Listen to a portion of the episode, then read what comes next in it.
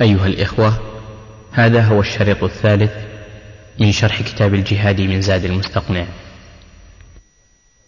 ترجع للمؤجر. ويقال إن بعض الناس عندنا تصبر آه، تصبر بيتا. خمسمائة سنة. خمسمائة سنة. فلما أراد الشيخ أن يكتب بينهما وكان الشيخ هو القاضي قال المستأجر المتصبر يا شيخ ما ما تكفي. أنا أريد ألف سنة. قال تكفي. ابن حلال قال ما تكفي. باكر يطلعون عيالي بالشارع إذا تمت المدة. فقال له الشيخ إذا طلعوا أولادك للشارع بعد خمسمائة سنة فأنا عندك. تحاكموا عندي وسهل الأمر نعم إذا أردنا أن نبني يعني مبنى على هذه الأرض. يجوز لنا؟ الخراجية هنا نعم. يجوز نبني مبنى ويأخذ منه الخراج إي نعم. يعني الخراج على صاحب البيت. لا هو منزل السكن. ما يخرج. ياخذ ياخذ شيخ الخراج هل هو مختص بالأرض البيضاء أو المعمورة؟ ظاهر كلام المؤلف مطلق. الأرض إذا غنموها كلها. إذا غنموا مدينة كاملة. مدينة كاملة. بأسواقها وبعماراتها نعم. هل يضرب الخراج على عمارات وعلى إذا رأى أن من المصلحه أن تقسم ويجعل الخراج على الأرض البيضاء اللي خارج المدينة فهذا طيب. والعمار والعمار ويكون العمار يقسم بين الغانمين. يمكن كل واحد منهم يأتي بيت ويجوز ضرب الخراج على العمار. ويجوز ضرب الخراج. لو أراد أن يضرب الخراج على الكل فهو جاهز نعم. الأرض اللي كانت أصلا للمسلمين ثم احتلها الكفار نعم. ثم ارجع ارجع ارجع المسلمين المسلمون. استرجعوها. استرجعوها. نعم. فتقسم. أما من عرف ملكه, ملكه فهو له. وأما من لم يعرف ملكه فيقسم. يعني يجعل في بيت المال. نعم. سلامة. معناه السرايا جمع سرية التي بعثها والقاعدة قاعدتهم يعني اللي هي أصل الجيش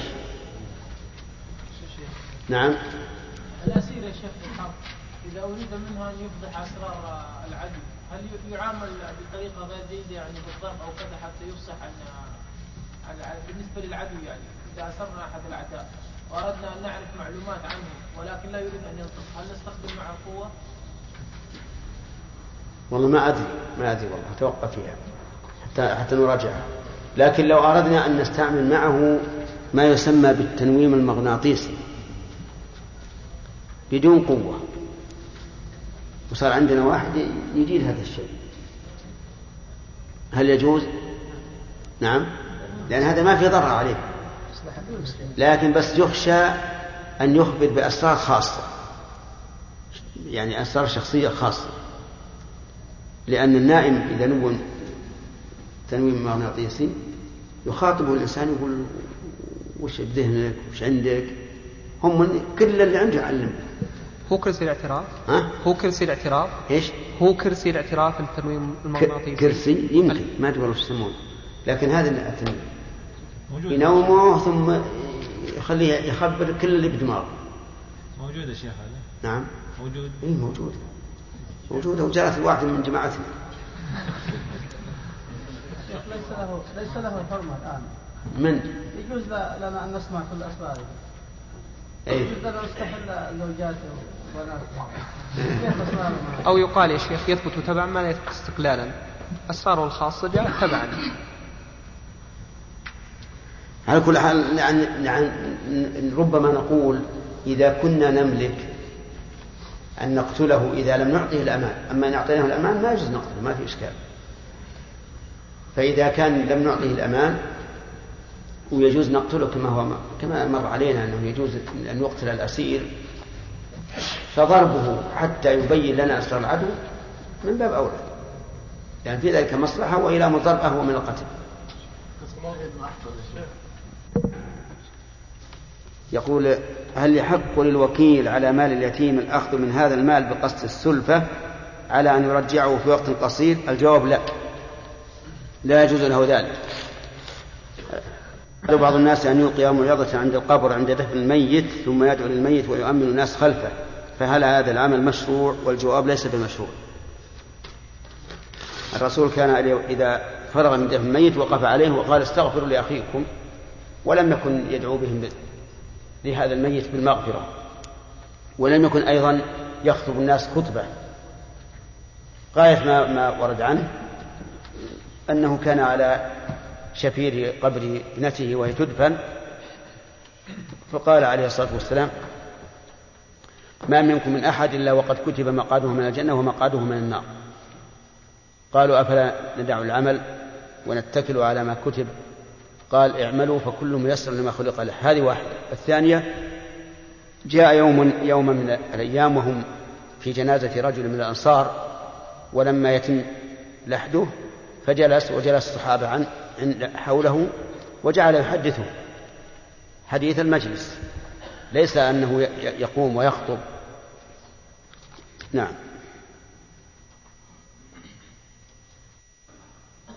تكلمنا عنها أمس. بالدرس. أي نعم. هذه ينظر فيها. وإذا وجدتها إن شاء الله نجيب عليها. هذا هذا. نعم.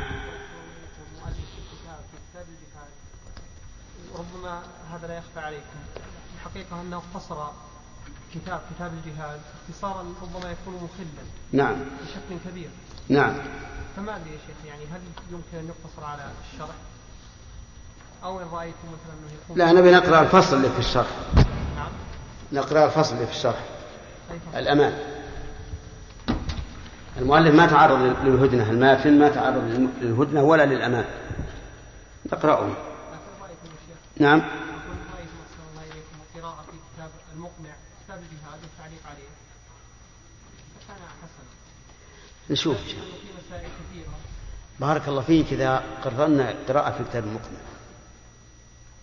أكثر الطلاب ما عندهم المقنع ولا يستفيدون الفائدة المرجوة. لكن ممكن الروض المربع إن رأينا المصلحة قرأنا أحكام أهل الذمة بالروض المربع نعم نقرأ. تسميع. ومن تبعهم بإحسان إلى يوم الدين. أحب أن نقرأ فصل فصلا عقده الشارح ولم يتكلم الماتن على م- موضوعه أبدا وهو فصل الأمان والهدنة أو المعاهدة أو المسالمة أو ما أشبه ذلك. نعم. كيف؟ طيب ما يخالف ما, ما في مانع. آه، نكمل. آه، كلام الماتن قال المؤلف رحمه الله تعالى وما أخذ من مال مشرك والمراد بالمشرك هنا من لم يكن مسلما. جزاكم الله خير اصبر علينا من لم يكن مسلما. عجيب. يقول ما أخذ من مال, من مال مشرك. كجزية وخراج وعشر وسبق معنا هذه الثلاثة فما هي الجزية؟ سامع الجزية هي يؤخذ من الكافر مقابل إقامته في دور المسلمين ونحو- وحمايته فيها. نعم طيب. الخراج؟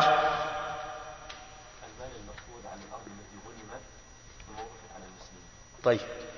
المال المأخوذ أو المضروب على الأرض المغنومة التي وقفت على المسلمين لأنه سبق أنهم إذا غنموا أرضا يخير الإمام بين قسمها على الغانمين وبين وقفها والعشر حجاج. كيف عشر الزكاة نعم عشر المأخوذ من من الذمي و- أو المستعمل الكافر الذمي أو المستعمل أو المعاهد. وش عشر الزكاة لا لا. ها؟ عشر التجار تجارة. من الكافر الذمي يعني إذا دخل الكافر إذا دخل الذمي بلاد المسلمين. التجارة أخذ منه عشر العشر. وغير الذمي؟ والمعاهد وال- والمعاهد والمستأمن كلهم على عشر عشر. كلهم على عشر. نعم. الذمي نصف العشر. نعم. الحربي يأخذ من العشر. أيهما أصح؟ الثاني أصح. طيب. آه الحربي يؤخذ منه العشر كاملا والذمي يؤخذ منه نصف العشر طيب. وما تركوه فزعا؟ كيف تركوه فزعا؟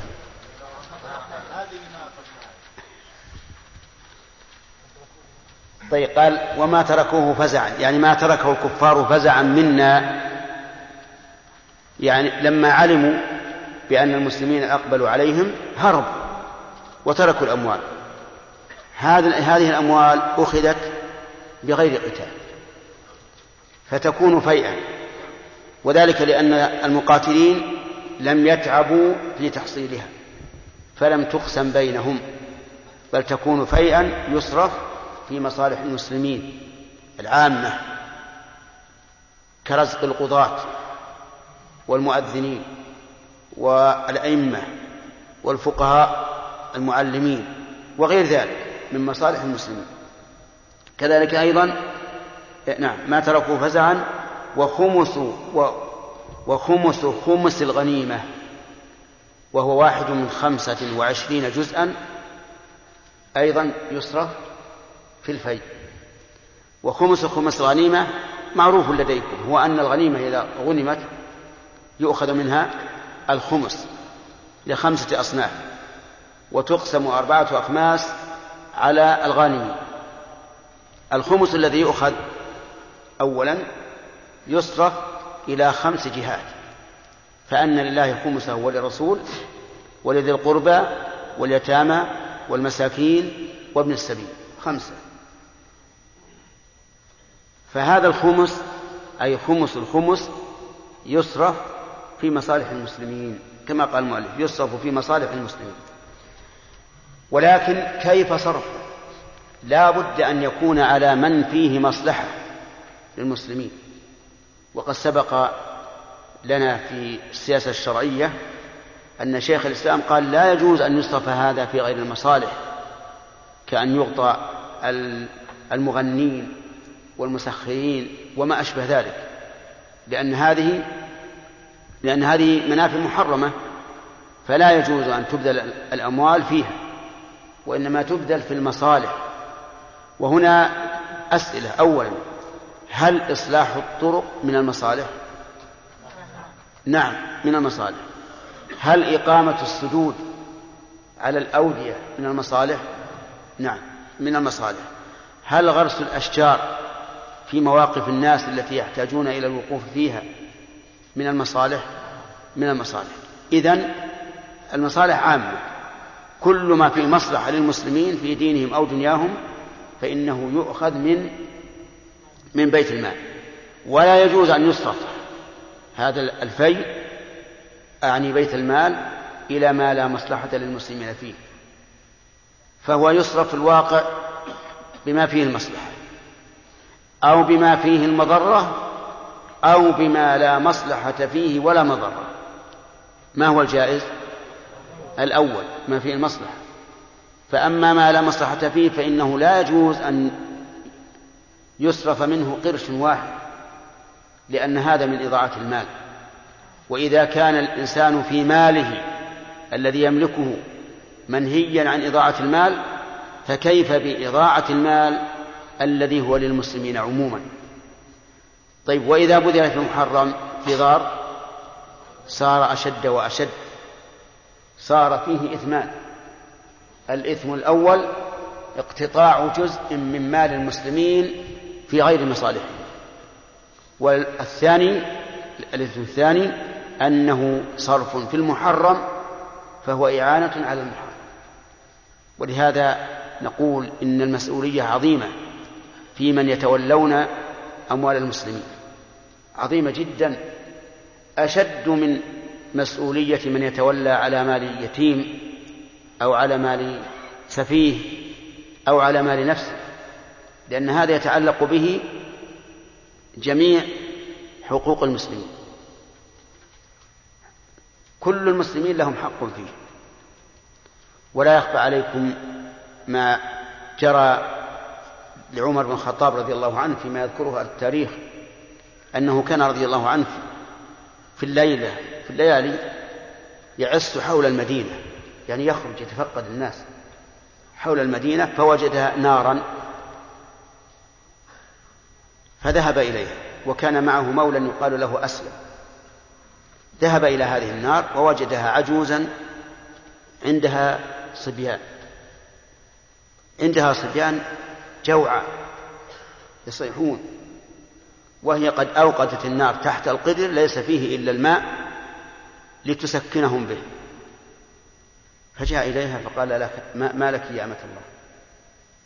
قالت هؤلاء صبيان قال ما الذي في القدر؟ قالت ماء ماء أسكتهم به.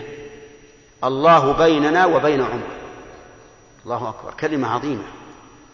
عمر والله الله على العباد لا بد أن يسأله الله عن هذه الولاية. فقال له لها عمر وهي لا تعلم أنه عمر. قال لها ما أدرى عمر بكم ما أدرى عمر بكم. قالت يتولى أمرنا ولا يدري عنا. هذه كلمة أكبر من الأولى. فذهب مسرعا إلى خزانة الطعام وأخذ كيسا من دقيق وأخذ ما يقابله من الودك وحمله. فقال له مولاه أسلم. يا أمير المؤمنين أنا أحمله. قال إنك لو حملته عني لن تحمل عني أوزاري يوم القيامة.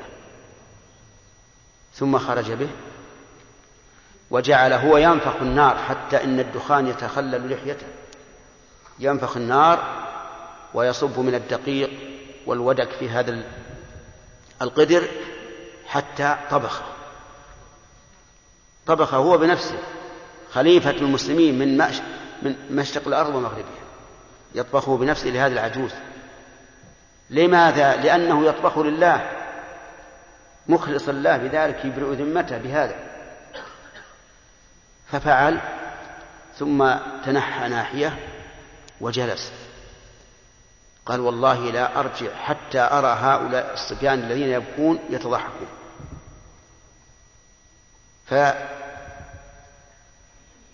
فشبعوا من الطعام وجعلوا يضحكون ويتصارعون. وتعرفون الصبيان إذا استانسوا شبعوا فذهب وقال لها إذا كان غدا فأتي إلى عمر. يأتي إلى عمر. وذهب وهي لا تدري ما هذا الرجل. قالت والله إنك لخير لنا من عمر. سبحان معلوم. عمر على على زعمها نائم في فراشه وهذا يتفقد الناس ويجيب من الطعام. فالمسؤولية عظيمة عظيمة جدا. نسأل الله تعالى أن يعين ولاة أمورنا على ما فيه خير البلاد والعباد.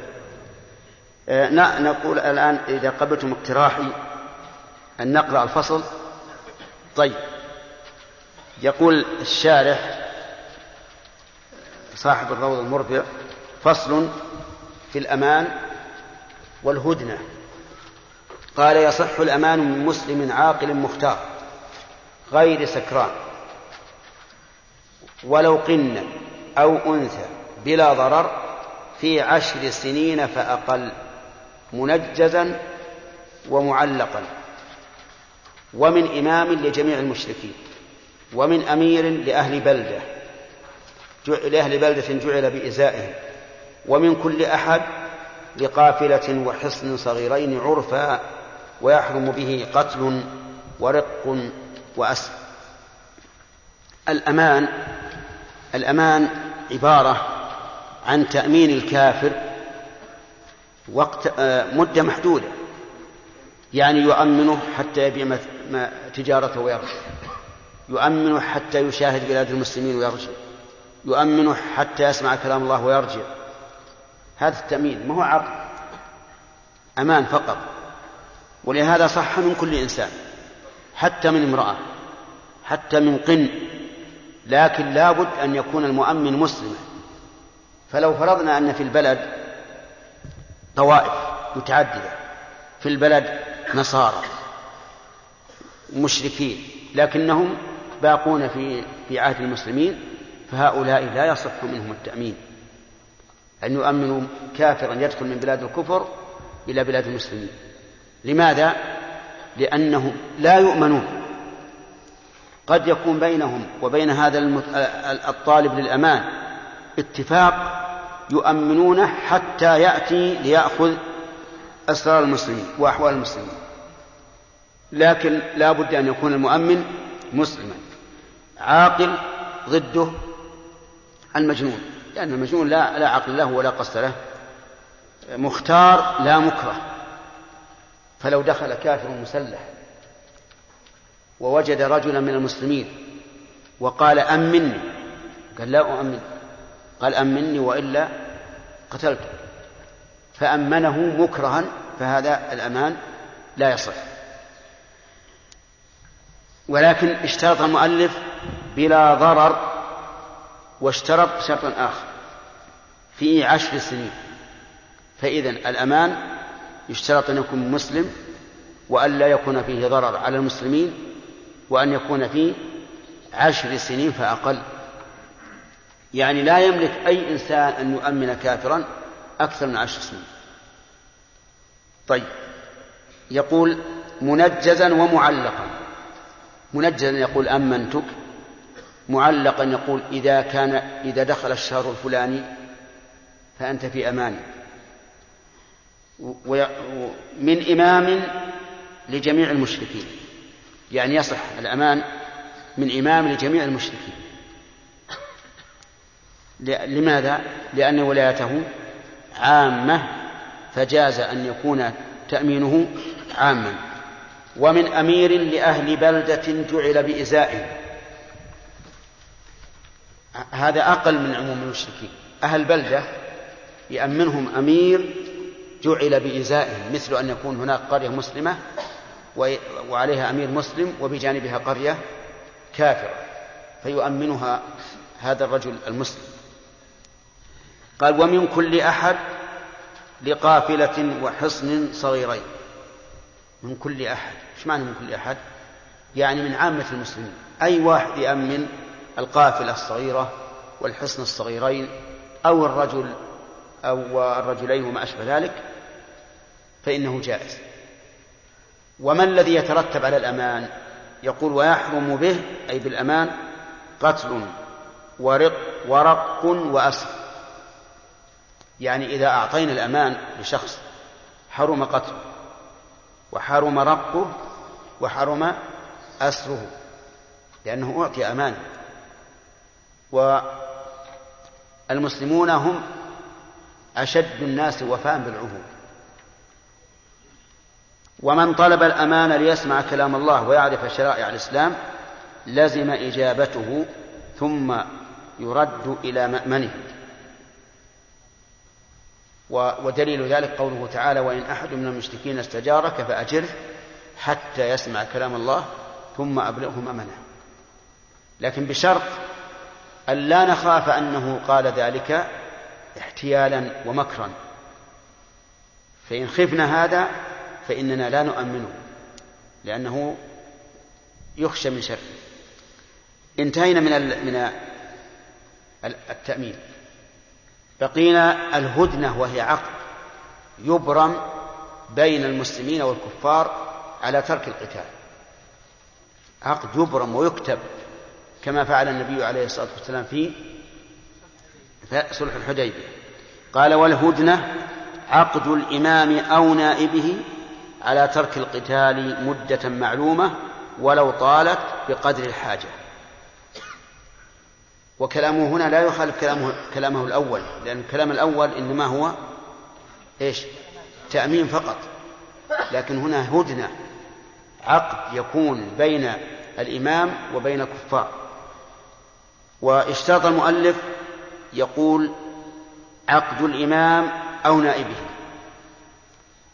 وهناك يقول يصح من من الأمير لقرية حوله ومن عامة الناس لقافلة صغيرة أو رجل أو رجلين ولكن هذا لا يكون إلا من الإمام أو أو نائب الإمام. ومعروف أن الإمام هو الذي له الولاية العامة على كل المسلمين ولكن هذا فقد من أزمنة طويلة وأقر المسلمون الوضع على ما هو عليه. وقالوا كل إنسان ولي أمر على البلاد التي تحت سيطرته وتجب طاعته كما ذكره في سبل السلام وغير وغيره أيضا من أهل العلم. يقول على ترك القتال مدة معلومة فلا يصح أن يقول نحن عاهدناكم مدة ألا نقاتلكم لأنها مجهولة. لا بد أن تكون معلومة. فلو قال نعقد الهدنة بيننا حتى يكون لنا قدرة على القتال. فهنا لا تصح. لماذا؟ لأنها غير معلومة. لا بد أن تكون معلومة. قال ولو طالت لكن بقدر الحاجة. وقوله ولو طالت إشارة خلاف. لأن بعض العلماء يقول لا تجوز الهدنة مع الكفار إلا في عشر سنين فأقل. أما أكثر فلا تجوز. انتبه. الحجة في هذا أن النبي صلى الله عليه وعلى آله وسلم سالم قريشا لمدة عشر سنوات. قالوا والأصل وجوب قتال الكفار وجهاد الكفار. فلا نعدل عن هذا الأصل إلا بمقدار ما جاءت به السنة. والسنة جاءت بكم؟ بعشر سنوات. فلا نزيد. فإن زاد على هذا الرأي بطلت الزيادة وقيل يبطل العقد كله. وهذا مبني على تفريق الصفقة المعروفة في كتاب البيع. وأظن الصفقة ما بعد مرت على كثير منكم. الصفقة إذا باع الإنسان شيئا يجوز بيعه وشيئا لا يجوز. هل يبطل البيع في الجميع أو فيما لا يجوز؟ فيما لا يجوز. يعني باع عبدا وحرا. أو باع سيارته وسيارة جاره وجاره ما وكل. ما الذي يصح؟ يصح بيع سيارته دون سيارة جاره. وقيل يبطل البيع كله. إذا زادت المدة على عشر سنين على القول بتحديدها فقيل يبطل العقد كله وقيل لا يبطل إلا ما زاد على العشر. لكن المذهب كما ترون يقولون إنه لا بأس أن تزيد المدة على عشر سنين إذا كان في ذلك حاجة. وتقدير النبي صلى الله عليه وعلى آله وسلم المدة بعشر سنين لأنه رأى أن هذا كافٍ وأن المسلمين سوف يقوون وتزيد قوتهم في هذه المدة. فيكون تقدير المدة لا لاختصاصها بهذا القدر ولكن تبعا للحاجة. وهذا هو المذهب أنها تصح مؤقتة ولو عشرين سنة أو ثلاثين سنة أو أكثر إذا دعت الحاجة لذلك. مثل أن يعرف المسلمون أنهم ضعفاء لا يستطيعون في خلال خمس سنوات أو عشر سنوات أو عشرين سنة أن يقابلوا العدو فلهم أن يزيدوا إلى ما إلى المدة التي تقتضيها الحاجة. وقال شيخ الإسلام يجوز عقد الهدنة مطلقا بدون تحديد إذا كان في ذلك مصلحة. ولكن يكون هذا عقدا جائزا بمعنى أن للمسلمين أن ينقضوه إذا رأوا المصلحة في نقضه. فصارت الأقوال الآن كم؟ ثلاثة أقوال. القول الأول لا يجوز أن أن يعقد السلام أو الهدنة. يا السلام والهدنة والمعاهدة والمسالمة كلها واحد ألفاظ واحدة المعنى واحد. لا يجوز أن يعقد أكثر من عشر سنوات. والثاني يجوز أكثر لكن يحدد لأن العقد على وجه الإطلاق يعني إبطال الجهاد. يعني إبطال الجهاد. والقول الثالث يجوز مطلقا بدون تحديد للمصلحة. ولكن هذا القول يجعله عقدا جائزا بمعنى أن المسلمين إذا رأوا من أنفسهم القوة نبذوا العهد. وهذا اختيار شيخ الإسلام ابن تيمية. ولكن لا بد أن يعلموا عدوهم بأننا عقدنا معكم الهدنة للحاجة والآن لا نحتاج. فإما أن تسلموا وإما أن نقاتلكم. وهذا الذي قاله شيخ الإسلام هو قياس المذهب في أن المرجع في ذلك إلى المصلحة ولو زاد على عشر سنين. ما ما دمتم تقولون إننا نزيد على عشر سنوات التي حددها الرسول عليه الصلاة والسلام في الصلح بينه وبين قريش من أجل المصلحة فلنقل المصلحة قد نظن أنها أنها في عشر سنوات مثلا أو عشرين سنة ولكن يتبين أننا نحتاج إلى وقت أطول. فإذا أطلقناها وصار لنا الحق في أن نقول لهؤلاء القوم نحن أطلقناها ولم نقيد مدة معينة. فإذا لم نقيد مدة معينة فلا فإنكم لا تلزموننا بشيء. لا تلزموننا بشيء. لكن متى نقول لهم هذا؟ إذا قوينا وصار عندنا قدرة. نقول إن إن الهدنة والسلام مطلق. ونحن الآن لدينا من القوة ما نستطيع أن نجبرهم على الإسلام أو على بذل الجزية إن كانوا من أهل الجزية. طيب. فصارت الأوقات ثلاثة. قال المؤلف وهي لازمة يجوز عقدها لمصلحة حيث جاز تأخير الجهاد لنحو ضعف بالمسلمين. وهي الضمير يعود على إيش؟ لازم. لأنها عهد. عهد بيننا وبين الكفار. وليعلم أن العهد الذي بيننا وبين الكفار يكون لنا معهم فيه ثلاث حالات. كلها في القرآن. الحال الأولى أن ينقضوا العهد. هم بأنفسهم فإذا نقضوا العهد انتقض العهد الذي بيننا وبينهم ومثاله قصة قريش. لأن قريش نقضوا العهد حين ساعدوا حلفاءهم على حلفاء النبي صلى الله عليه وعلى آله وسلم. وحينئذ ينتقض العهد. ينتقض العهد. والدليل؟ لا. وإن, وإن نكثوا أيمانهم من بعد عهدهم وطعنوا في دينكم فقاتلوا أئمة الكفر إنهم لا أيمان لهم لعلهم ينتهون. ألا تقاتلون قوما نكثوا أيمانهم وهم بإخراج الرسول إلى آخر الحال الثانية أن يستقيموا لنا ولا نخاف منهم خيانة ولم نر منهم خيانة. فحينئذ يجب علينا أن نستقيم لهم. كما قال تعالى فما استقاموا لكم فاستقيموا لهم إن الله يحب المتقين. الحال الثالثة أن نخاف منهم نقض العهد. فهنا لا يلزمنا أن نبقى على على العهد ولا يجوز لنا أن نقاتلهم بل ننبذ إليهم على سواء. وإليه الإشارة بقوله تعالى وإما تخافن من قوم خيانة فانبذ إليهم على سواء. يعني انبذ العهد على سواء لتكون أنت وإياهم على سواء في أنه لا عهد بينهم. وهذا هو الإنصاف. يعني الآن الدين الإسلامي أقوم الأديان وأعدلها وأنصفها. هذا إنصاف. ما استقاموا لنا فإننا نستقيم لهم. نقضوا عهدنا فلا عهد لهم. هم الذين نقضوا. خفنا منهم ننبذ إليهم على سواء. يعني نقول لا عهد بيننا وبينكم. ولا.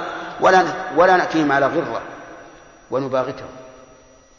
لأننا نخشى أن ينقضوا. لا. نقول إذا خشيت انبذ إليهم على سواء لأن الأصل قيام العهد. انتبه. يقول حي... الهدنة تجوز بشرط حيث جاز تأخير الجهاد لنحو ضعف في المسلمين. وقتنا الحاضر. فينا ضعف؟ نعم. فينا ضعف؟ إي نعم. ما هو فينا ضعف؟ كلنا ضعف. في الوقت الحاضر كلنا ضعف. الله يرحم الحال. نعم. لذلك تجوز الهدنة في على المذهب في خلال نعم بدون بدون تقييد لكن لا بد أن تكون المدة معلومة مقيد طيب. ولو بمال منا ضرورة قوله ولو بمال منا ضرورة. يعني ولو كان عقد الهدنة بمال وعقد الهدنة بمال إما أن يكون منهم وإما أن يكون منا. ولا ثالث لذلك. متى يكون منهم؟ إذا كان هم الضعفاء. إذا كان هم الضعفاء يفرحون أن نأخذ منهم ضريبة مالية وأن وندع جهادهم ومتى يكون منا؟ إذا كان الضعف منا ولهذا قال المؤلف قيده قال ولو بمال منا ضرورة. وهذه إشارة خلاف. لأن بعض العلماء يقول لا يجوز أن نعطيهم على الهدنة مالا أبدا. ولهذا لما شاور النبي عليه الصلاة والسلام سعد بن عبادة وسعد بن معاذ على أن يعطي مالا في مقابل في المصالحة أب أبوا وقالوا ما يمكن يا رسول الله كيف نعطيهم؟ في الجاهلية ما, ما يقدرون يدخلون المدينة إلا بأمان ليأخذوا التمر كيف نعطيهم الآن؟ تمرا من من المدينة وأبوا فوافقهم النبي عليه الصلاة والسلام. قال بعض العلماء إن عرض النبي صلى الله عليه وسلم ذلك يدل على جواز وقال بعض العلماء إن موافقته للسعد للسعدين يدل على المنع وأن هذا ذل للمسلمين أن يبذلوا مالا لعدوه ولكن يقال بذل المال أهون من القتل. إذا كان العدو قويا وليس لنا فيه طاقة إطلاقا فإن بذل شيء من أموالنا أهون من أن من أن يسحقنا العدو. نحن وأموال وأموالنا. فالمسألة كلها تعود إلى إيش؟ إلى المصلحة ودفع الضرر. ولا يكلف الله نفسا إلا وسعها. ثم قال ويجوز شرط رد رجل جاء منهم مسلما للحاجة وأمره سرا بقتالهم والفرار منهم.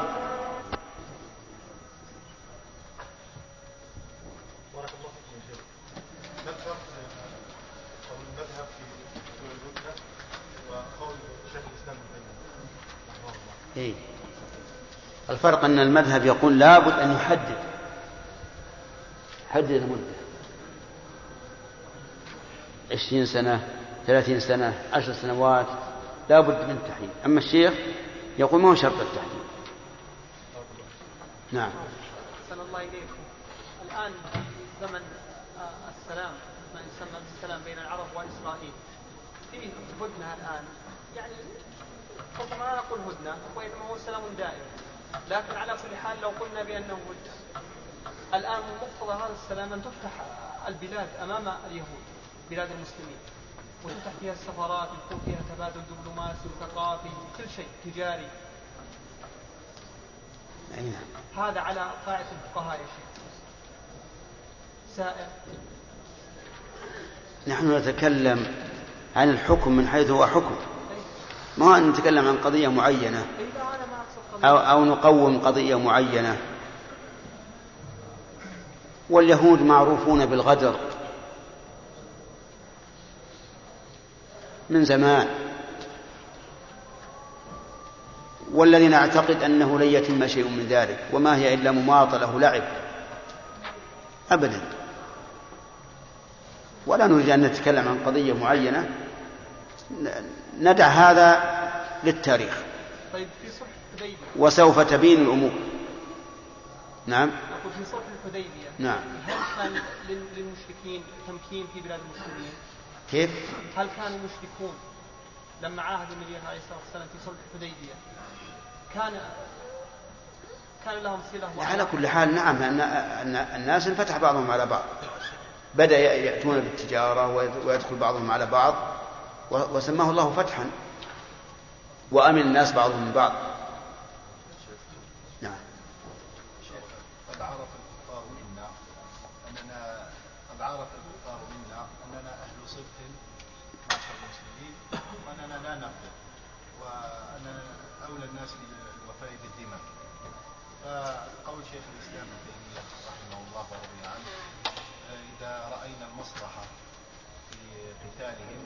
فاننا ولو أعطيناهم عهدا إلى أكثر من عشر سنين نعم. فيجوز لنا أن نقص هذا العهد ونخبرهم بأنه لا عهد لكم ونقاتلهم فهم تعودوا منا وعرفوا من منا أننا نصدق نعم. وإذا أعطينا ذمة وفينا بها وإذا أعطينا عهدا وفينا بها. وهذا ما ما جاء عن على لسان سفيان أب- أبي سفيان. نعم معروف. فكيف يعني؟ ما رأيك؟ الشيخ ما قال دائم فرق بين الشيخ لم يقل دائم قال مطلق. عرفت؟ وفرق بين المطلق وبين الدائم كيف كيف أقول لم يقل إنه دائم يقول مطلق. ما هو شرط أن يحدد بعشرين أو ثلاثين سنة. مطلق. وفرق بين الدائم المستمر وبين المطلق. فالشيخ ما قال هذا. إي ولذلك يجب أن انتبهوا له. ما أدري حد فهم من حد فهم كما فهم الاخ كمال؟ لا. فرق بين المطلق وبين المقيد. الشيخ يقول يجوز مطلق ويكون الحبل بيدينا ونحن إذا قوينا واستطعنا أن نقاتلهم قلنا ما بيننا وبينكم مدة. لكن إذا قلنا مستمر سلام مستمر أو عهد مستمر معناه مقيد الآن. مقيد بالاستمرار. فحينئذ ما تكون يدينا مكبلة ما نستطيع أن نتحرك. يعني الآن واقع إيش؟ يعني الآن واقع أي أو أي أي.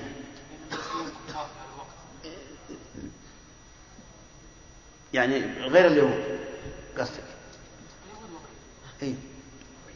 لا المشكلة أن غير اليهود يرون يرونهم أن ما بينهم أصلا حرب ولن يقوم حرب بينهم أصلا. نعم.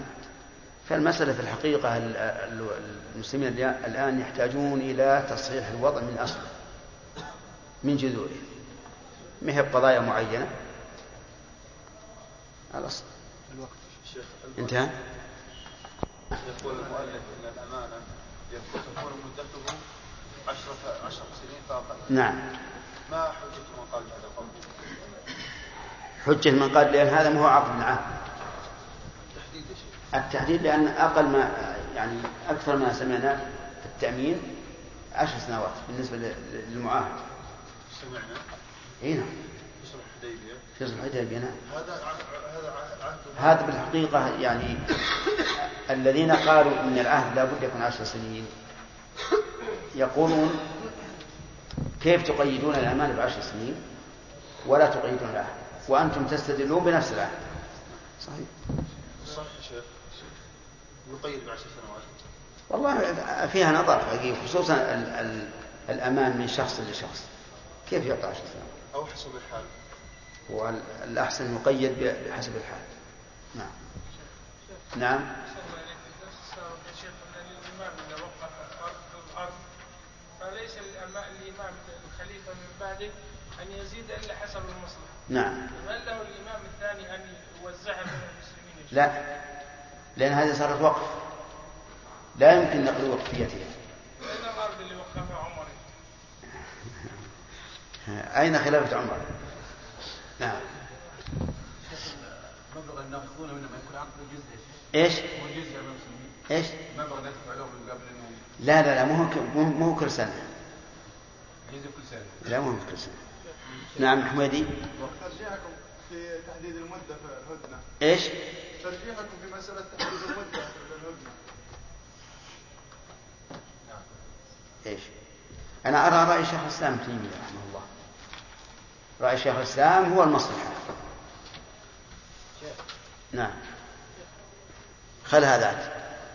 شيخ اللي عنده أرض خراج هل تجب عليه الزكاة؟ إي نعم. لأن الزكاة واجبة في الزرع أو الثمر والخراج على الأرض. نظيرها لو استأجرت أنا من شخص أرضا وزرعت فيها وجب علي زكاة الزرع ودفع الأجرة لمالك الأرض. أي نعم. نعم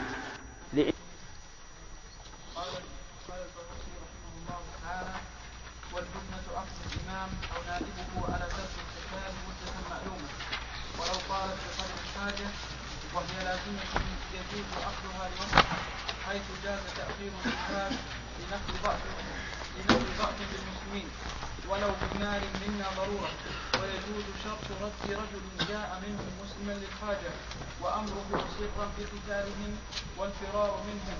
ولو هرب والفرار. والفرار منهم. بس.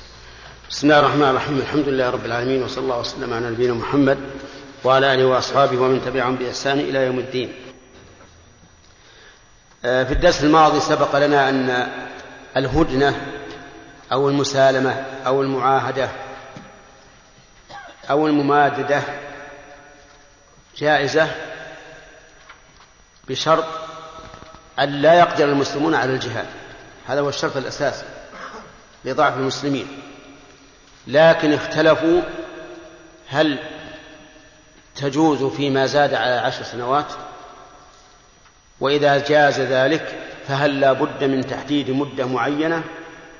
أو يصح أن تكون المدة مطلقة؟ وذكرنا في هذا ثلاث أقوال. والقول الثالث لشيخ الإسلام ابن تيمية وهو الراجح أنها تجوز مطلقة.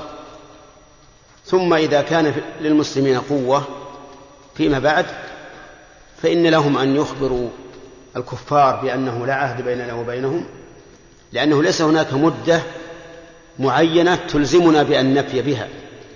هو عقد مطلق. وهم راضون بذلك في أول الأمر ونحن كذلك راضون به.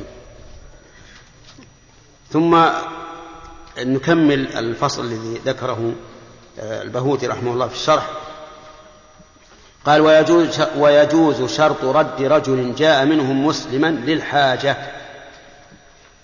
يعني لو شرط هؤلاء الكفار أنه من جاء منهم مسلما رددناه إليهم كان ذلك شرطا جائزا. لكن إذا دعت الحاجة إليه ومن دعاء الحاجة إلى ذلك أن يتوقف الصلح على هذا الشرط. فإذا توقف الصلح على هذا الشرط وقالوا لا نصالحكم إلا بهذا الشرط فإن لنا أن نشترطه. فإن قال قائل في هذا غضاضة علينا قلنا إن إن النبي صلى الله عليه وسلم يعني لو شرط هؤلاء الكفار أنه من جاء منهم مسلما رددناه إليهم كان ذلك شرطا جائزا. لكن إذا دعت الحاجة إليه ومن دعاء الحاجة إلى ذلك أن يتوقف الصلح على هذا الشرط. فإذا توقف الصلح على هذا الشرط وقالوا لا نصالحكم إلا بهذا الشرط فإن لنا أن نشترطه. فإن قال قائل في هذا غضاضة علينا قلنا إن إن النبي صلى الله عليه وعلى آله وسلم فعل ذلك بأمر الله. فإنه فإن قريشا اشترطوا عليه أن من جاء منهم مسلما رده إليهم وفعل ذلك وجعل الله لمن جاء مسلما ورد إليهم جعل له فرجا. حتى إنهم هم بأنفسهم جاءوا أو أرسلوا إلى النبي صلى الله عليه وعلى آله وسلم يقولون امنع الذين جاءوا وأسلموا ويعني ويلغى الشر ففعل. والقصة مع من؟ مع أبي بصير رضي الله عنه. لأن أبا بصير جاء مسلما من قريش. فأرسلوا في طلبه رجلين. فما أن وصل المدينة حتى وصل الرجلان ثم طلب من النبي صلى الله عليه وسلم أن يرد إليهم هذا الرجل الذي جاء مسلما فرده إليهم حسب الشرط. ولما كان في أثناء الطريق وجلسوا يأكلون أو يتغدون قال لأحدهم أرني سيفك هذا فإنه يعني سيف سيفا جيدا. هذاك رجل غر. نعم فأراه إياه لأنه قال هذا رجل أسير بين يدينا و... فلما أخذه ضرب به عنقه حتى أطار رأسه.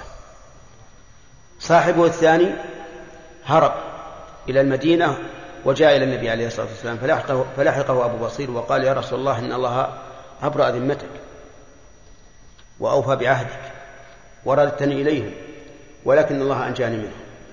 فقال النبي عليه الصلاة والسلام ويل أمه مسعر حرب لو يجد من ينصره. ففهم أبو بصير رضي الله عنه أن الرسول سيرده. فخرج من المدينة وجلس على قعد في سيف البحر وصار ما جاء من تجارة لقريش أغار عليها وأخذها. وسمع به أناس من أهل مكة من الشبان فخرجوا إليه. فصاروا طائفة. حينئذ عجزت قريش عنهم فانتهى الأمر بردهم إلى المدينة والحمد لله. قال و و ويجوز أيضا ويجوز شرط رد رجل منهم جاء مسلما للحاجة وأمره سرا بقتالهم والفرار منهم. يعني نعطيه إياهم ونقول إن أمكنك أن تقتل أحدا منهم أو تقاتل فافعل. أو أو أمكنك أن تفر منهم ففر. لكن إلى أي شيء؟ إلى البر إلى الخلع لكن لا تأتي إلينا. إن أتيت إلينا رددناك عليهم. ولو هرب قرن فأسلم لم يرد وهو حر. لو هرب قن يعني عبد مملوك من سيده من الكفار فأسلم لم يرد إليهم. لماذا؟ خوفا من أن يرتد إلى الكفر. لأنه قن فيأخذه سيده ويكرهه على على الكفر فيكفر. ويؤخذون بجنايتهم على مسلم من مال وقود وحد. الضمير في قوله يؤخذون يعود على المعاهدين الذين بين وبينهم عهد. بجنايتهم على المسلم من مال فلو أخذوا مال مسلم وجب عليهم رده. وقود لو قتلوا مسلما قتلوا إذا أمكن. وحد لو قذفوا مسلما حدوا القذف لأنهم معاهدون. قال ويجوز قتل ويجوز قتل رهائنهم إن قتلوا رهائننا. يعني لو كان بينهم بيننا وبينهم رهائن أحيانا يخافون أن أن ننقض العهد. ونحن نخاف أن ينقض العهد فنقول أعطونا رهائن. وهم يقولون أيضا أعطونا رهائن يعني أشخاصا يكونون عندهم. إذا غدر أحد قتل هؤلاء الرهائن. فإن قتلوا رهائننا فلنا أن نقتل رهائنهم. فإن قال قائل كيف نقتل رهائنهم؟ وقد قال الله تعالى لا تزر وازرة وزر أخرى. قلنا لأن لأن القوم طائفة واحدة. فجناية واحد منهم جناية من الجميع. واستفدنا من كلام المؤلف في هذا أنه يجوز أن نعطي الكفار رهائن ولكن بشرط أن يعطونا رهائن. أما أن نعطيهم رجالا يقتلونهم متى شاءوا دون أن يكون لدينا رهائن. نقتلهم إذا قتلوا رهائننا فهذا لا شك أنه لا يجوز. لكن إذا أخذوا منا رهائن فإننا نطلب منهم مقابل ذلك. وإن خيف نقض عهدهم أعلمهم أنه لم يبق بينه وبينهم عهد قبل الإغارة عليهم دليل ذلك قوله تعالى وإما تخافن من قوم خيانة فانبذ إليهم على سواء. يعني تقول أنت وهم سواء في أنه لا عهد بينكم. أما أن تغير عليهم بدون أن تعلمهم فإن هذا لا يجوز لأن الأصل بقاء العهد بقاء العهد وقد وقد ذكرنا فيما سبق أن المعاهدين ينقسمون إلى ثلاثة أقسام. الأول من نقض العهد فهؤلاء انتقض عهدهم ونقاتلهم. والثاني من استقام على العهد فهؤلاء نستقيم على عهدهم فما استقاموا لكم فاستقيموا لهم. والثالث من خيف منه العقد نقض العهد من خيف منه نقض العهد فهذا لا نغير عليه. ولا نأمنه. ولكن نقول له إن العهد الذي بيننا وبينكم قد نقض وإذا انتقض العهد جاز لنا أن نغير عليه. ثم قال المؤلف باب عقد الذمة وأحكامها. الذمة هي العهد. ودليل ذلك قوله صلى الله عليه وسلم في حديث بريدة بن الحصيب إذا حاصرت أهل حصن فأرادوا أن تجعل لهم ذمة الله وذمة نبيه فلا تجعل لهم ذمة الله وذمة نبيه ولكن اجعل لهم ذمتك وذمة أصحابك. فإنكم أن تغفروا ذممكم أهون من أن تغفروا ذمة الله وذمة رسوله. وعلى هذا فالذمة معناه العهد. ولكن ما معنى الذمة هنا. هل هي العهد السابق؟ نقول لا بينهما فرق. العهد السابق الذي هو الهدنة نعاهد الكفار وهم في أرضهم مستقلون عن المسلمين. ليس لنا من شأنهم شيء إلا وضع إلا وضع القتال. أما هؤلاء فإنهم يقرون على كفرهم في بلادنا بشرط يقول أخذ الجزية والتزام أحكام الملة كما قال الشارح معنى عقد الذمة إقرار بعض الكفار على كفرهم بشرط بذل الجزية والتزام أحكام الملة. ما هو التزام الملة؟ لأنهم لو التزموا الملة لكانوا مسلمين لكن التزام أحكام الملة أي ما حكمت به الشريعة الإسلامية عليهم. قال المؤلف لا يعقد لغير المجوس وأهل الكتابين ومن تبعهم. لا يعقد لغير المجوس. المجوس هم الذين يعبدون النار وهم مشركون لكنهم طائفة مستقلة عن الشرك العام بخصائص معروفة في دينهم. هؤلاء يعقد لهم ودليل ذلك أنه ثبت في صحيح البخاري أن النبي صلى الله عليه وسلم أخذ الجزية من مجوس هجر. هجر هي الأحساء.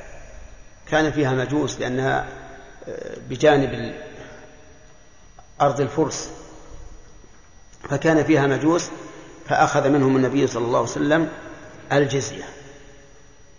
ومعلوم أن الرسول عليه الصلاة والسلام إذا أخذ الجزية فهي شريعة. وأهل الكتابين هذا ثبت بالقرآن. قاتلوا الذين لا يؤمنون بالله ولا باليوم الآخر ولا يحرمون ما حرم الله ورسوله ولا يدينون دين الحق من الذين أوتوا الكتاب حتى يعطوا الجزية عن يد وهم صاغرون. حتى هنا تعليلية ولا غائية؟ غائية. الفرق بينهما. إذا كانت بمعنى إلى فهي غاية. وإذا كانت بمعنى اللام فهي تعليلية. قال المنافقون لا تنفقوا على من عند رسول الله حتى ينفضوا.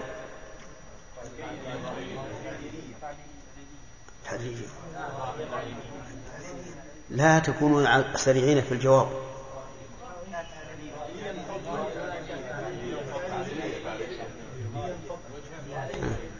طيب إحنا أعطيناهم قاعدة. إذا كانت بمعنى اللام فهي تعليلية بمعنى إلى فهي غائية. الآن لا تنفقوا على من عند رسول الله إلى أن ينفضوا فإذا انفضوا فأنفقوا عليهم. هذا المعنى؟ إيش المعنى؟ لينفضوا. اذا هي تعليلية. طيب. هذه الآية حتى يعطوا الجزية عن يده هل المعنى ليعطوا الجزية ولا إلى أن يعطوا؟ إلى أن يعطوا إذن هي غائية حتى يعطوا الجزية عن يد وهم صاغرون. قوله عن يد قيل معناها أن يعطوكم الجزية يدا بيد بمعنى أن الواحد منهم يأتي ويسلم الجزية بيده. لا يعطيها خادمة يقول اذهب به إلى السلطان أو نائب السلطان هو بنفسه يأتي لأن هذا أذل له مما لو أرسل بها خادما. وقيل عن يد أي عن قوة منكم عليهم بمعنى أننا نظهر أننا أقوياء أمامهم حتى يذلوا.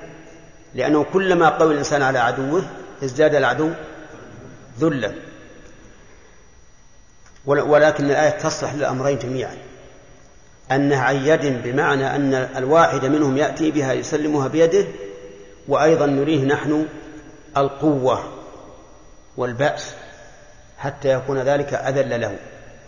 أما ما قال بعض الفقهاء من أنه يطال وقوفهم عند تسليمها بحيث نتصدر عنهم. إذا جاء يا فلان يا عمي ذكر الجزية أقول له انتظر. أو أتلهى بالشيء مراجعة صحيفة أو تخطيط مربعات أو غيرها. لأجل إيش؟ إذلال الله ثم إذا أخذتها منه يقول لازم يأخذها يجرده بقوة. حتى ربما تنخلع يده. لأن هذا من باب الإذلال. لكن الصحيح خلاف ذلك. الصحيح يكفي أن يأتوا أذلة يسلمون الجزية عن طيب. إذا لا تعقد إلا للمجوس واليهود والنصارى.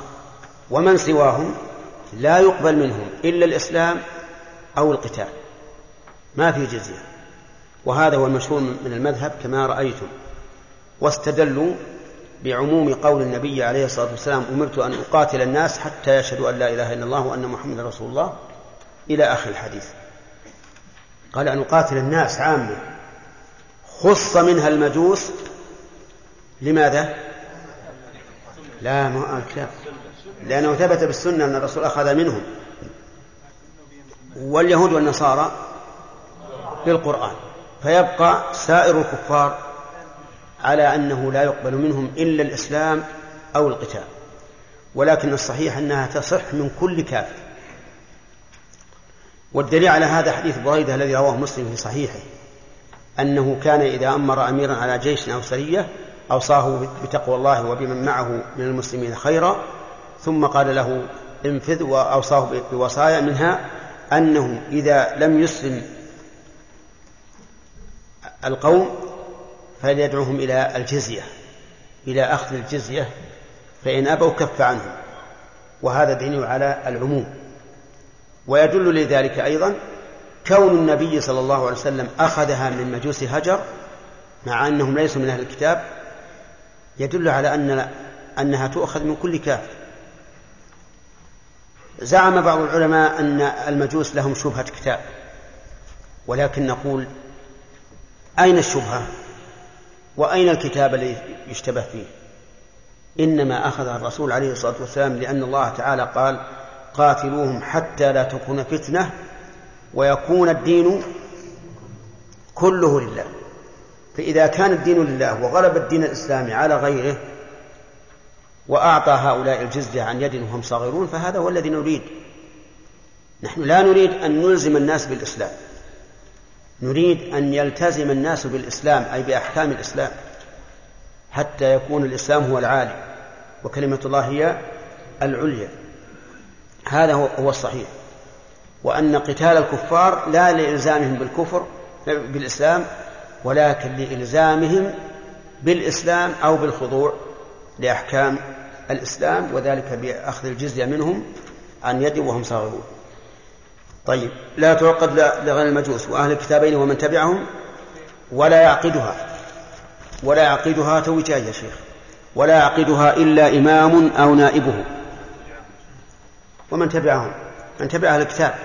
يعني وإن لم يكونوا من بني إسرائيل أو ممن أنزل عليهم الكتاب أولا. طيب يقول ولا يعقدها. إلا إمام أو نائبه. كالهدنة ولا كالأمان؟ كالهدنة. لماذا؟ لأن الأمان يصح من كل أحد حتى من المرأة كما سبق. وقوله إلا من إمام أو نائبه عللها عندي في الشرح لأنها لأنه عقد مؤبد فلا يفتات على الإمام فيه. عقد مؤبد بخلاف الهدنة فإنها مؤجلة وتصح مطلقة ولا تصح مؤبدة لأن عقد الهدنة على التأبيد يتضمن إلغاء الجهاد وهذا لا يجوز لأن الجهاد فرض كفاية فلا بد منه والجهاد ماض إلى يوم القيامة كما قال النبي عليه الصلاة والسلام لكن الذمة عقد الذمة فيه خضوع من الكفار وعدم اعتداء على المسلمين والتزام لأحكام الإسلام فتصح مؤبدا طيب وهل يجب إذا طلب الكفار بذل الجزية هل يجب علينا أن نقبل؟ أو نقول سنقاتل ولو بذلتم الجزية؟ الأول الأول إذا قالوا نحن لا نقاتلكم أيها المسلمون لكن لكم علينا أن نعطيكم بالجزية فلا يجوز لنا أن نقول سنقاتلكم ولو أعطيتم الجزية لأن الله قال حتى يعطوا الجزية. ولأن النبي عليه الصلاة والسلام قال إذا أعطوا الجزية يعني معنى الحديث فاقبل منهم وكف عنهم. هكذا أمر النبي عليه الصلاة والسلام. وهذا يدل على كذب ما يدعيه النصارى اليوم واليهود وغيرهم من أن الإسلام دين جبروت وأنه يرغم الناس على على على ذلك. الإسلام لا يرغم أحدا ثم لو فرض أنه أرغم فله الحق. لأن الإسلام دين من؟ دين الله عز وجل. فرضه على عباده. فيلزم العباد أن يقوموا به. لكن من تخفيف الله عز وجل على العباد ولو كانوا كفارا أنه يقبل منهم الجزية بدلا عن عن القتال ونقول ابقوا على دينكم وسلموا الجزية. والغالب أنه إذا انفتح الناس هذا الانفتاح الغالب أنه يحصل بذلك آه، يعني تسهيل للدخول الناس بالإسلام. لأنهم سوف يمتزجون بالمسلمين ويشاهدون أحوال الإسلام وربما يرغبون فيه. آت محمد الوسيلة والفضيلة وبعث مقام محمود والتقوى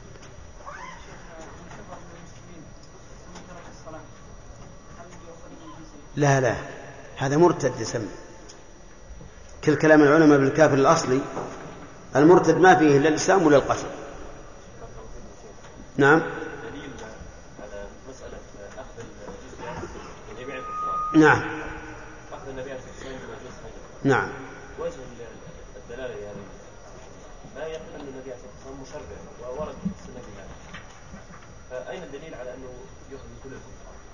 أما ذكرنا حديث بريدة في صحيح مسلم. نعم أنا قصدت من هذا اي من هذا اي من هذا كون الرسول الله ذكر أهل الكتابين فقط من الذين أوتوا الكتاب ثم أخذ مجلس هجر دليل على أن القيد المذكور في الآية ليس قيدا معتبرا.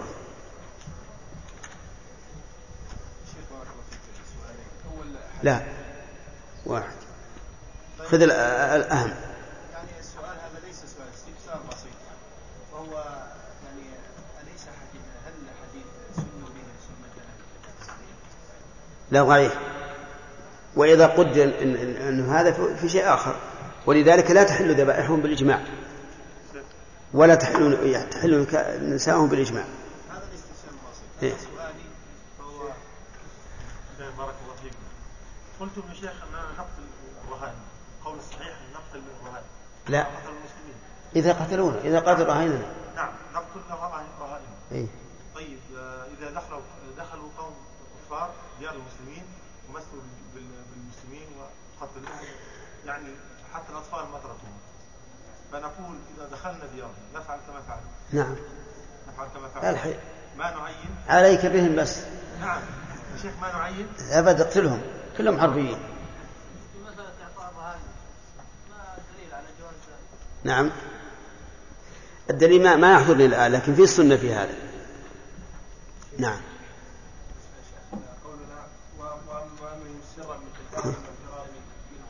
خلاص؟ لا أصلا أنا متأخر اليوم. نعم. وأمره يا شيخ وأمره سرا بقتال وافتراء منه. هل يؤخذ منه الجواسيس؟ يعني إرسال الجواسيس. يعني إذا رد إليهم يعين الجاسوس أي ما في شيء. الجاسوس هذا من القتال. لا يعني وهم معاهدون. لا لا معاهدون لا. هنا الكلام عن المعاهدين ولا؟ لا المعاهدين. نعم وأمن سرا. إيه. بقتال هذا إذا إذا أخذوا منا أحدا لأن ليس من حقهم إن أنهم يستردون الرجل المسلم. المسلم ما صمد نفسه. شيخ. نعم. لو قتل المسلمين مسلم منهم في الحرب. كيف؟ لو قتل المسلمين مسلم منهم في الحرب. لو قتل المسلمين مسلما مسلما منهم؟ ما أدري هم الفاعل الآن. قتلوا إيه. مسلم منهم في الحرب فما الأحكام المترتبة على ذلك؟ كيف قتل المسلمون؟ قتل المسلمون مسلم. أقول آه. يعني قتل الإنسان يظنه عدوا. نعم. فهذا إن كان في صف العدو فهو الذي أهدر نفسه. وإذا كان في غير صف العدو فعلى قاتله الدية. نعم. يكثر في المكتبات والمجلات التجارية بيع, مجلات إسلامية يكثر فيها الصور فهل يجوز شراؤها وهل وجودها في المنزل يؤثر كتأثير تعليق الصور؟ آه الذي يظهر أنها ليست كالصور المعلقة وأنها لا تؤثر لأن هذه المجلات لا يقصد منها الصور التي فيها وإنما يقصد ما فيها من الكلام والفائدة بخلاف بخلاف مجلات الصور التي تعتني بالصور وتلونها وتحسنها فهذه لا يجوز اقتناؤها ولا شراؤها أيضا. السؤال الثاني.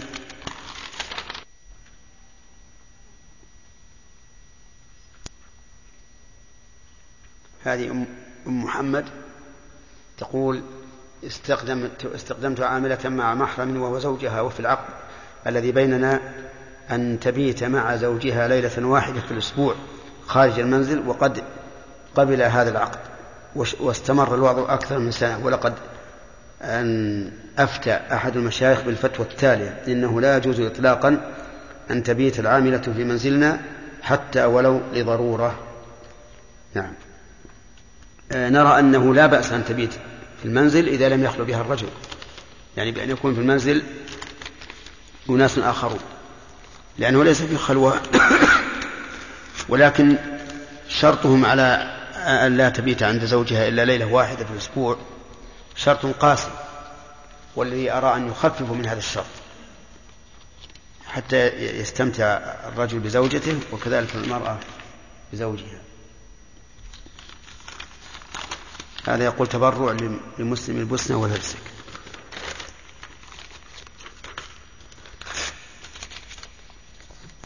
طيب سمعنا يا خالد.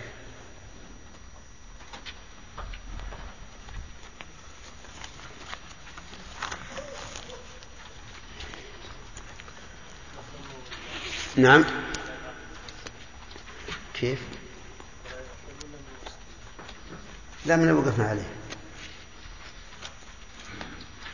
بسم الله الرحمن الرحيم قال رحمه الله تعالى باب عقد الذمة وأحكامها.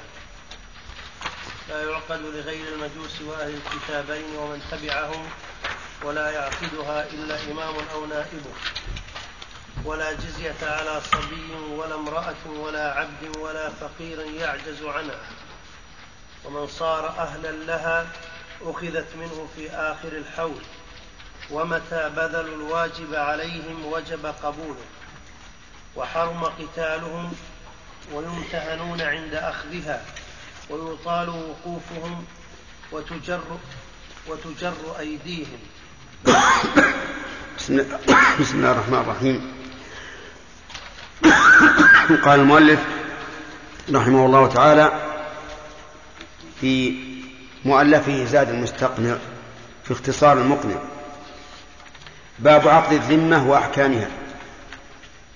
هذا الباب كما ترون اشتمل على مسألتين. المسألة الأولى عقد الذمة ويتضمن من تعقد له الذمة وما معنى عقد الذمة.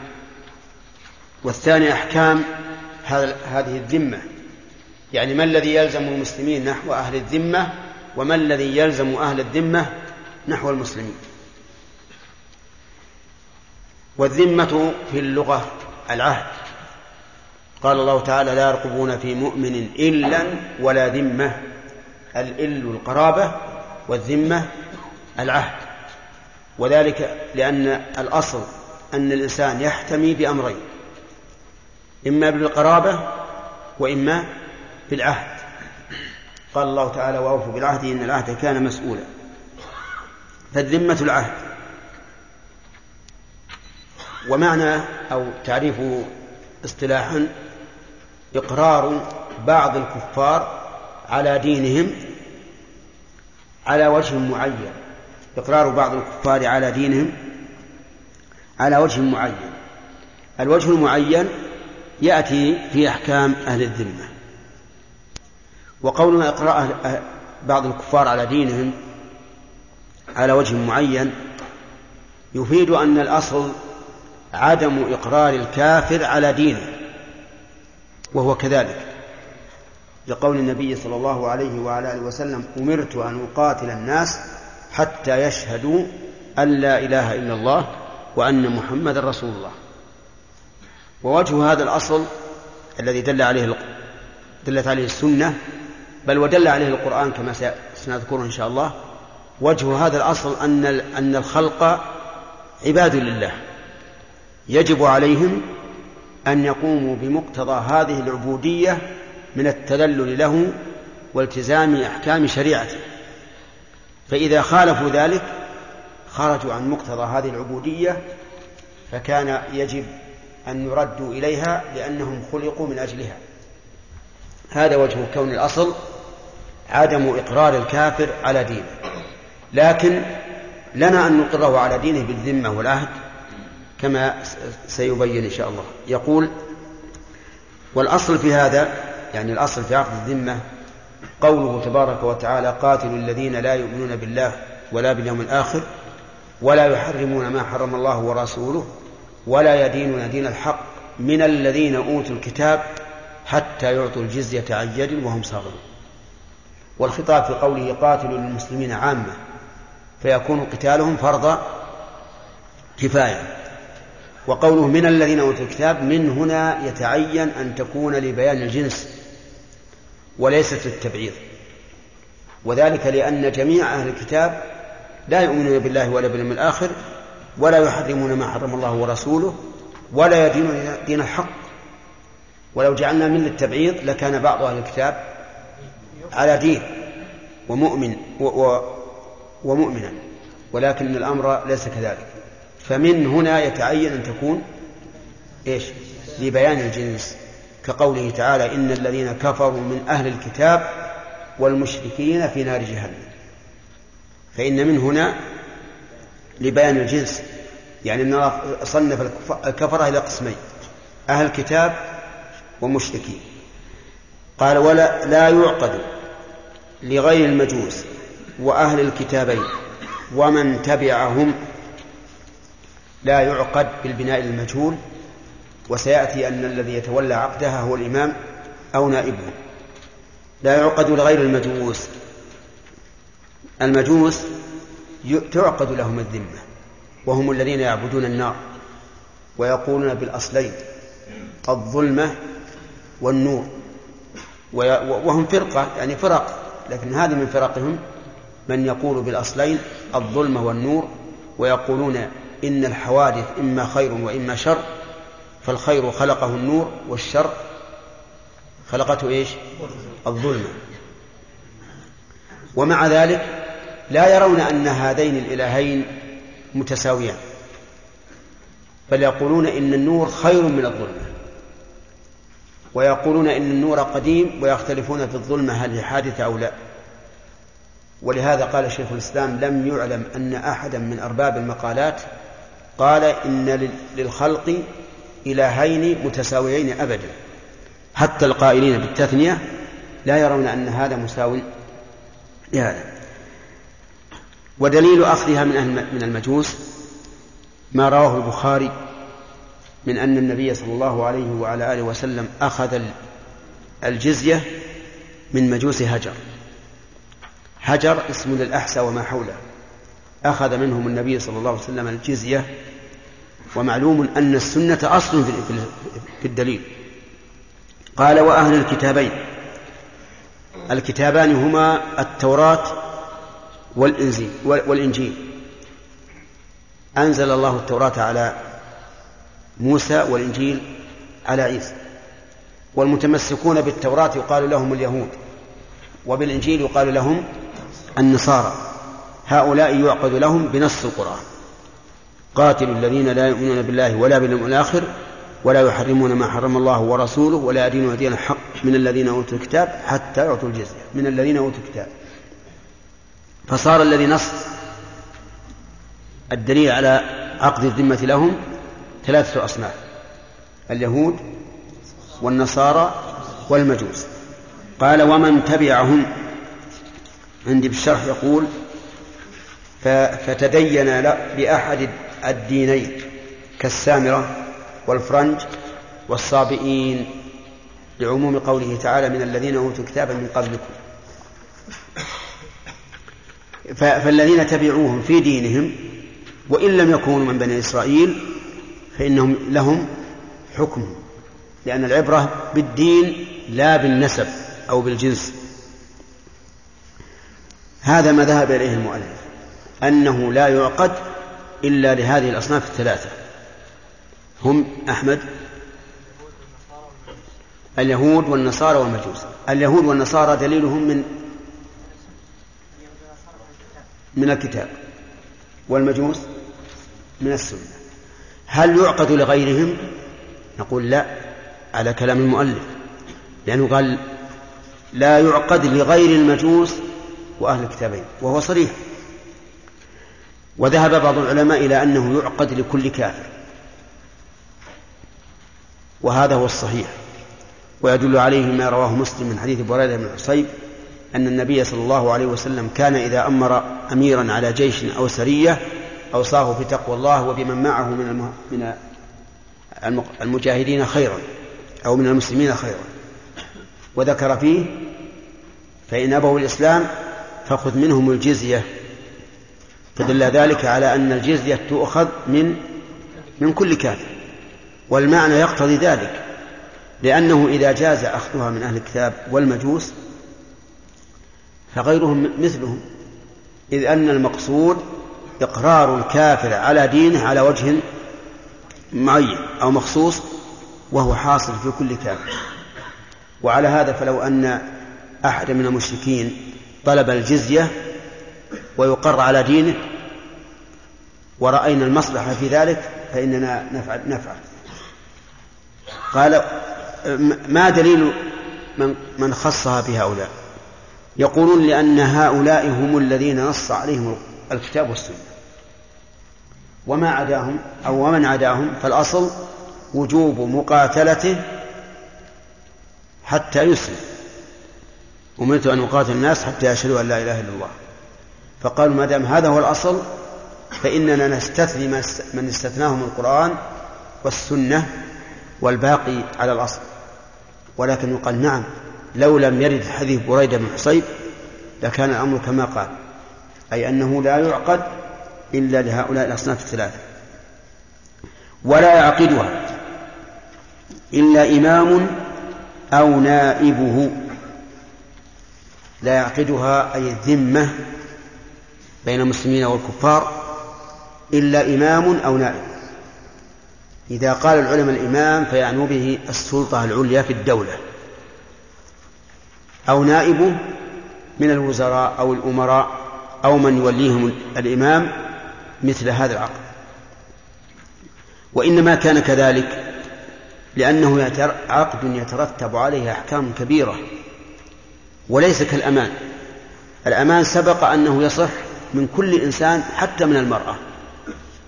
قال النبي عليه الصلاة والسلام قد أجرنا من أجرت يا أمة هانئ.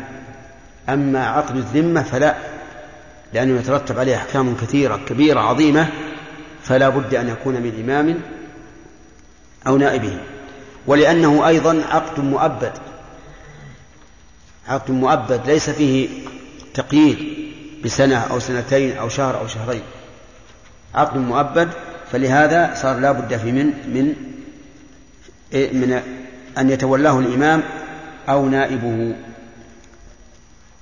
ثم قال المؤلف ولا جزية على صبي ولا امرأة. نعم.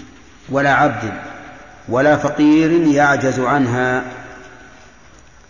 الجزية لا تجب على كل واحد من من الكفار. يعني لو عقدنا الذمة لهؤلاء اليهود أو لهؤلاء النصارى مثلا الذين يقيمون في بلادهم. فهل نجعل الجزية على رب العائلة وأفراد العائلة؟ لا يقول لا جزية على صبي. وإنما لم يكن عليه جزية لأنه ليس أهلا للقتال. والجزية إنما تكون على من يقاتل. أما من لا يقاتل فلا جزية عليه لأنه لا, لا, لا شر فيه. وكذلك لا جزية على امرأة. لأنها ليست من أهل القتال. هذا هو الأصل أن النساء لسن من أهل القتال. ولا يجب عليهن الجهاد كما قال النبي عليه الصلاة والسلام حين سألته عائشة هل على النساء جهاد؟ قال عليهن جهاد لا قتال فيه الحج والعمرة. كذلك أيضا لا جزية على عبد. لأنه لا يملك فهو بمنزلة, بمنزلة الفقير أو أشد. ملك العبد لمن؟ لسيده. دليله قوله تعالى قوله صلى الله عليه وسلم من باع عبد عبدا له مال فماله للذي باعه إلا أن يشترطه المبتاع ولا عبد ولا فقير يعجز عنها. معلوم لأن الفقير ليس له مال. وكل الأموال الواجبة من شرطها الغنى أي القدرة عليها. والغنى يختلف فغنى الزكاة الذي يحصل به الوجوب غير غنى الزكاة الذي يحصل به الامتناع من أخذها. والغنى هنا غير الغنى هناك والغنى في باب النفقات غير الغنى, غير الغنى في هذه المواضع. كل شيء بحسب قال وتجب ومن صار أهلا لها أخذت منه في آخر الحول. من صار أهلا لها من هؤلاء كصبي بلغ وعبد عتق وفقير اغتنى فإنه تؤخذ منه في آخر الحول. وكيف تؤخذ؟ هل تؤخذ منه جزية حول كامل أو بالحساب. العدل بالحساب. يعني مثلا لو أنه بلغ في نصف العام وكنا نأخذ منهم الجزية في آخر شهر ذي الحجة وهذا بلغ في نصف العام والجزية مقدارها مئة درهم على كل واحد مثلا. كم نأخذ من هذا؟ نأخذ منه خمسين. هذا هو العدل. فلا نظلمه ولا نظلم بيت المال. وكل شيء بحساب. ومتى بذلوا الواجب عليهم وجب قبوله. يعني إذا تم العقد بيننا وبينهم وبذلوا الواجب فإنه لا يجوز لنا أن نرجع في هذا العقد ونقول لا نقبل منكم إلا الإسلام. بل يجب أن نقبل منهم ما بذلوا بقول الله تبارك وتعالى يا أيها الذين آمنوا أوفوا بالعقود. وهذه الآية من أجمع الآيات في باب المعاملات. كل عقد بينك وبين غيرك فإنه يجب عليك الوفاء به. إذا كان قد أذن به الشرع وهذا الشرط الذي ذكرته مأخوذ من قوله أوفوا بالعقود لأن الله تعالى لا يأمر بوفاء ما لم يأذن به. فيجب علينا أن نقبلها. وإذا بذلوا الجزية حرم قتالهم لأنهم يؤمنون أنفسهم بهذه بهذه الجزية. ومع ومع ذلك يجب أن ندافع عنهم لأنهم مؤتمن لأنهم مؤتمنون معنا ملتزمون بأحكام الذمة ونحن نلتزم لهم بذلك أيضا. طيب إذا أسلم أحد انتبه يا أخ لا تشوش عليه. إذا إذا إذا إذا أسلم أحد في أثناء الحول هل تسقط؟ نعم تسقط عنه. لماذا تسقط؟ لأنه أسلم فلم يكن من أهل الجزية ولا يؤخذ منه شيء ترغيبا له في الإسلام. هذه جملة معترضة الآن. يقول كبرس أبيض.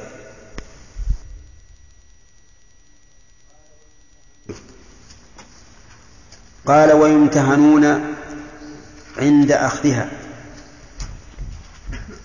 يمتهنون الضمير يعود على من؟ على أهل الذمة. يعني لا يكرمون عند أخذها. فإذا جاء الذمي يريد أن يعطي الجزية إلى الجابي فإنه لا يستقبله بالحفاوة والإكرام ويقدم له الفراش يقدم له الأكل يقدم له الشرب لا. بل يمتهنه. لماذا؟ لقول الله تعالى حتى يعطوا الجزية عن يد وهم صاغرون. والإكرام ضد الصغار. ويقول و ويطال وقوفهم. إذا جاء يسلم إلى الجابي لا يأخذ منه على طول. خليه يبقى. يطال وقوفهم. إلى متى؟ لا ما هو إلى آخر النهار. إلى ما جرى إلى ما يحصل به الامتهان. إلى ما يحصل به الامتهان. فلا يباشرون بالأخذ منهم. كل هذا إعزازا للإسلام.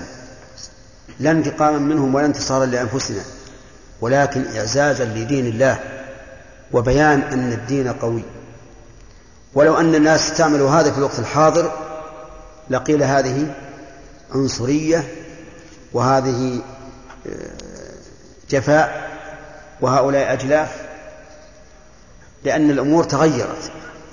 فهل مثلا لو قدر أن المسلمين الآن يعقدون الذمة لأحد هل يحسن أن يعاملوا هذه المعاملة؟ أو يقال إن صغار كل شيء بحسبه؟ فنحن إذا لم نكرمهم فهو في عرف الناس الآن يعتبر يعتبر إذلالا وإصغارا. هذه محل نظر. قال وتجر أيديهم. تجر أيديهم يعني عندما يقدم الجزية ما نأخذها بطرف. نأخذ يده نجرة بقوة. نعم. وكل هذا كما قلت من أجل إعزاز الإسلام وإعلاء الإسلام حتى تكون كلمة الله هي العليا. وقال بعض العلماء لا يعاملون هذه المعاملة. لا يكرمون بل يعاملون بالصغار دون أن أن يطال وقوفهم ودون أن تجر أيديهم. بل تسلم تستلم منهم استلاما عاديا بشرط ألا نظهر إكرامهم ويكفينا أن يأتوا بها إلينا. فإن قال قائل هل يجوز للواحد منهم أن يرسل بها خادمه أو ابنه؟ فالجواب لا لقوله تعالى حتى يعطوا الجزية عن يد وهم صاغرون. تأمل القرآن عن يد هل المعنى عن قوة أو عن يد يعني يدا بيد؟ أو الجميع الجميع. لماذا؟ لأن لدينا قاعدة في التفسير وهي أنه متى احتملت الآية معنيين لا يتنافيان وجب حملها عليهما جميعا لأن ذلك أعم. وكلما عمت دلالة الآية كان أولى. فنقول عن يد أي يعطونها بأيديهم والثاني عن يد عن قوة يعني أننا نظهر لهم القوة وأننا أعلى منهم. وإلى هنا انتهى حكم العقد. أما الأحكام فقال فصل ويلزم الإمام أخذهم بحكم الإسلام. يلزم الإمام أخذهم أي أخذ أهل الذمة بحكم الإسلام أي بما يقتضيه الإسلام من الأحكام. فحكم هنا مفرد مضاف فيكون إيش؟ يكون عاما لأن المفرد إذا أضيف صار للعموم. أيها الإخوة في ختام هذه المادة نسأل الله أن نلقاكم في لقاءات متجددة. مع تحيات مؤسسة الاستقامة الإسلامية للإنتاج والتوزيع في عنيزة شارع هلالة رقم الهاتف والناسخة الهاتفية صفر ستة ثلاثة ستة أربعة ثمانية ثمانية ثمانية صفر والرقم الثاني صفر ستة ثلاثة ستة أربعة خمسة ثمانية ثمانية صفر ورقم صندوق البريد اثنان وخمسمائة وألف